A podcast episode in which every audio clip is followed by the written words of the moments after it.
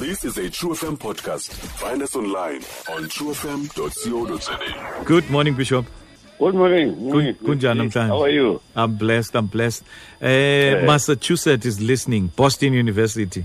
Ukhona umdisipile, ukhona umdisipile wakho pha all the way from uh, America. Uh, uDr. Madoda. Zolis Jimomola umfundisi uthi ndiyazibona ndiba ngumdisipile andiphoswa. Kuye ngoku must be around about half past 12 bandiphazama uyandilungisa undithumele ke imessage kusebusuku kuye ngoba efambulele but akafuni uphoswa at all yile show we are so blessed this service yenza into yoba athi eyolala befumene i-service before the service azawuyiqala ngomso yena Siyabulela. yes Mandibulise kuye ndibulise kubaphulaphuli bonke bale nkqubo kule nyanga intsha kaFebruary kuthiwa ke inyanga yothando. mm. Eh ma ndi- ndibulela uThixo ngomama wenu umamjoli ebezalwa izolo. ebe simculela Eh simculela ubungekho ewe hayi yazizazaba izolo Yeah. siyabulela kakhulu. Intombi endigcinileyo sawuthetha more ngaye xa sithetha nge-kind of love mm. that fits couples. Yes. Eh namhlanje ke sivula inyanga yento ekuthiwa ke inyanga yothando. And okwethu namhlanje is to lay the foundation and then in the weeks to come sawube ke sidakanca analyze and unpack and make examples. Mababe kumnwe ke abaphulaphuli kwincwadi kwezaa ncwadi ezingazo ekugqibeleni kuthiwa yi- yincwadi kajohn hane first john 4 from verse 7 first john 4 from verse 7 ujohn not a gospel but as a epistles. Si xa siza kuthetha. As an introduction today ngomcimbi wo wothando. Andiqinisekanga uba olu lu- lubalekayo apha ke in the world lubheyiswe entwenini na kodwa namhlanje mna ndifuna ukulubheyisa ngoba uthando has a source. First john 4 from verse 7 ndifunda le translation yesixhosa intsha zihlobo zam ezithandekayo masithandane. Kuba kaloku uthando luvela kuthixo. Underline luvela kuthixo. Nawuphi na umntu onalo uthando uzelwe nguthixo futhi uyamazi uthixo. Ehe in other words lo lo mbhali uthi ukuba umuntu uyamazi uthixo sambona ngothando. Kodwa i-emphasis le verse 8 yena ongenalo uthando akamazi uthixo. Kuba why? Kuba uthixo uluthando underline uthixo uluthando athi ke ngoku verse 9 nantsi indlela asibonise ukusithanda kwakhe ngayo uthixo. In other words uthando is a doing word. Sisenzi wenza ntoni ukuze sibone? Wathumela unyana okuphela kwakhe emhlabeni ukuze thina sidle ubomi ngaye. That is how god showed that he is love verse 10 lunje ke oluthando. Ayisithi esamthandayo uthixo koko nguye owasithandayo wasinika unyana wakhe ukuze acamagushele izono zethu. Mandivale ngalo verse 11 zihlobo zam ezithandekayo xa ke uthixo asithande ngolu hlobo nathi simelwe kukuthandana. Eh masiyigcine kule nyanga sizawubuyela kuyo phaa naphaa okoba love has a source has its source from god. In other words ngokwakuthi bakristu alunakubakho uthando outside god. Love is rooted in god. Who is in fact love? And masibambe into yoba akuthiwa love is god. Kuthiwa god is love uthixo uluthando. Xa usithiwa akuthiwa uthixo unothando.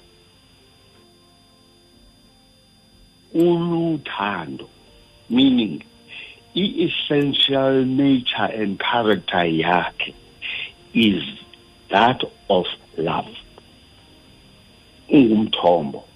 That is one xa sisamariza ne-basis sakuyakha kwezi veki zizayo uh, number two is that love is not a human achievement. Awunawuze uzame uthi ukhonkarise uthi i have mastered love. Because ngokwale ndawo sifunde kuyo love has is, is divine in origin.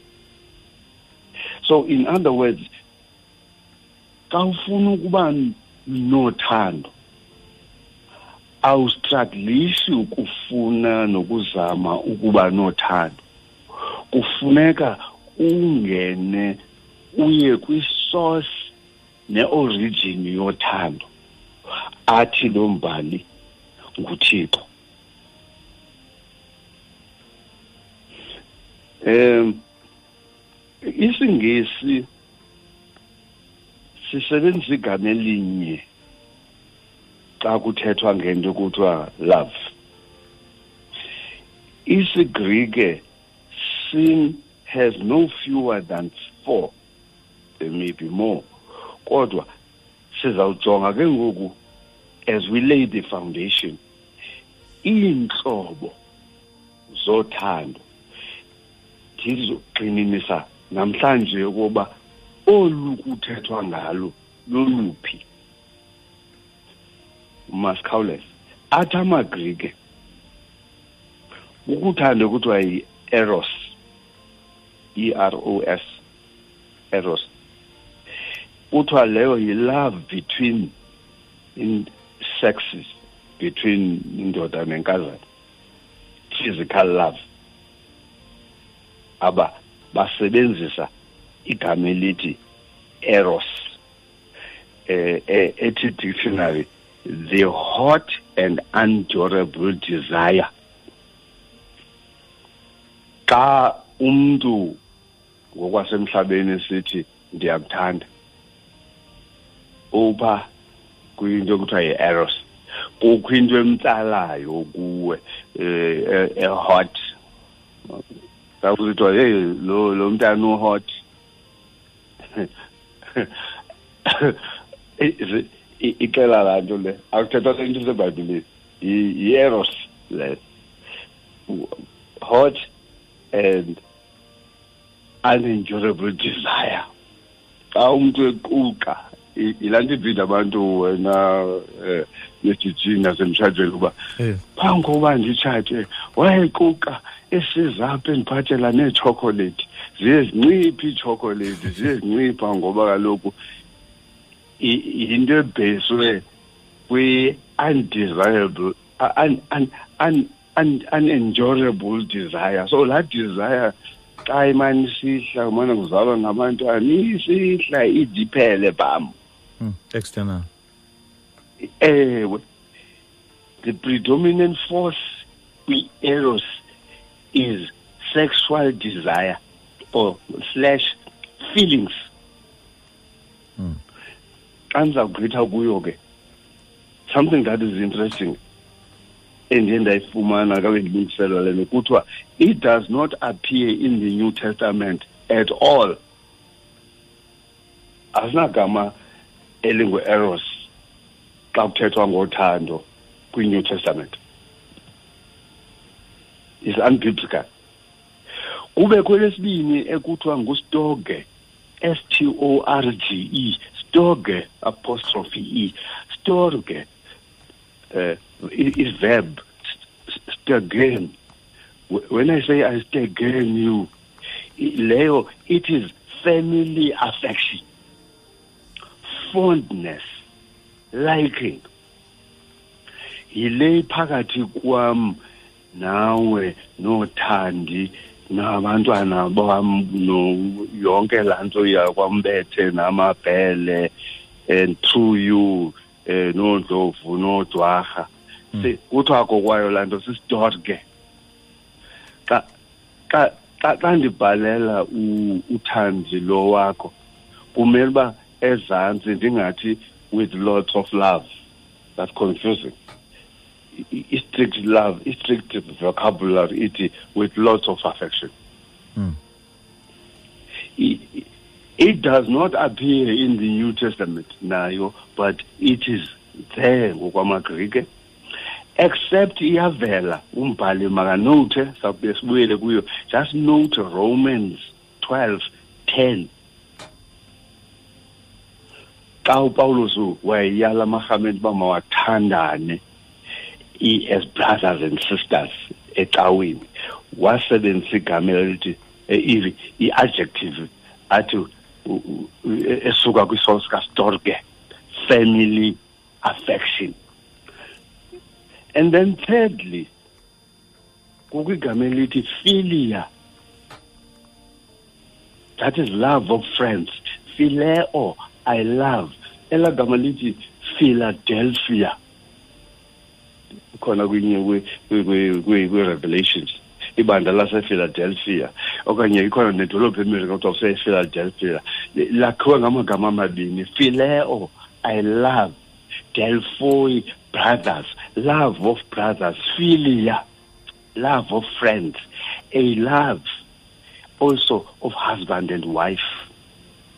Sizayibuyela ke kule veki zayo leyo le isetyenziswa ngufirst john 4 from verse 7 ayingo-eros ayingostorge ayingophilia ngu-agape verb yelo gama agapan agape.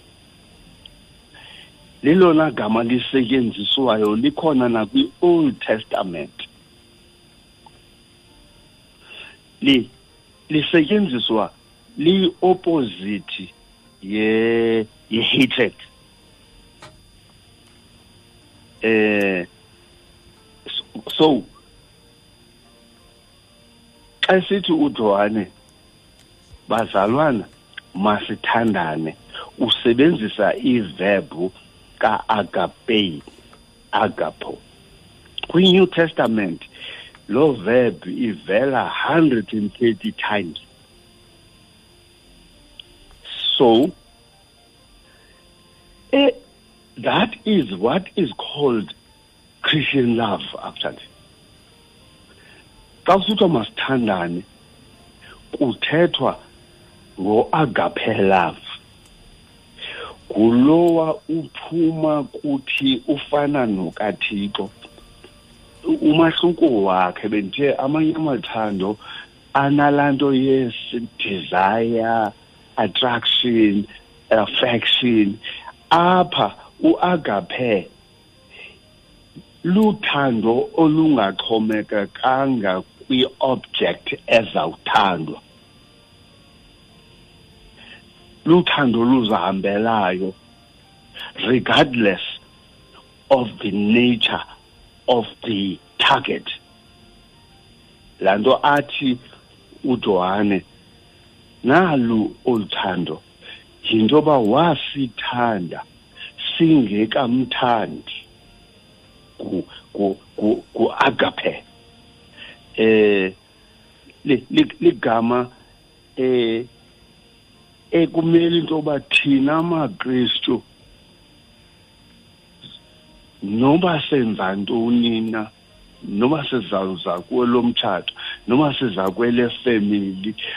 Kulula ukuya emtshatweni nokuya kuthando lwefamily ukuba we are rooted in agape. Because i-agape includes love of enemies. Because ayithandi kuba ithandiwe iagape ayithandi kuba izawuzuza nto impompoza ingaprovokwanga eh sizancokola kule veki ezayo eh xa sesiphethe lo ke eh, elinye uthando lwasemhlabeni. Uyabona into yoba kwi-relationships ezininzi nemitshato abantu bayacenga uba hayi ndicela undithande. ndicela undithande afane enzeke umntu. Iphinde iphele ngoba isource yayo isendaweni wrong. Hmm. azimpompozeli because it is not agape. Mm. it is the other kinds of love. And awunaba nayo i-agape love. Ungekho kuthixo. Iba ngathi ke ngoku siyavangela. Mm. but that's the, that's the truth. Why do i say so? As i shape this towards its conclusion. Into yokoba if you go to galatians 5 22 galatians 5 22 kuyawucaca apho okokuba ibhayibhile is direct into yoba i-agape love is a product of the spirit capital s galatians 5.22 mm. it's a fruit of the spirit. In other words abantu abakholwayo akumelanga bathethe ngothando efemelini nasemitshatweni naphina nakwi-love of brothers outside galatians 5.22 otherwise baza kwenzakalisa abantu under the name of love. Zininzi izidumbu ezisinazo hmm. eziphumileyo. Zininzi ingxwelerha ezikekeleyo zenzakaliswe phantsi kwento ekuthiwa kayibizwa luthando. Kodwa namhlanje ndiyanarowisha for the rest of this month ukuthi sizawuthetha nangaliphi nolunye uhlobo thina kodwa silubheyise kolu kuthiwa kugalatians 522 lumele uba lube yi-fruit of the spirit capital s i want you to note Romans 15, verse 30, Colossians 1, verse 8. Sizayibonisa njengoko nawe uzawuzibonela xa ifunda uba le nto kuthiwa luthando ngokwasemhlabeni asiyiyo ngokwezibhalo agape love is unnatural in the sense that it is not possible for the for the natural person, natural man, the language yakudala. umntu osenyameni akanawuzakwazi ukuthanda. Ngoba uthando luvela kuThixo. Yaye umuntu onothixo unothando. Awuqali luthando uqala uthixo aze uthixo akunike umoya wakhe uze umoya ukuphe isiqhamo esiluthando wow.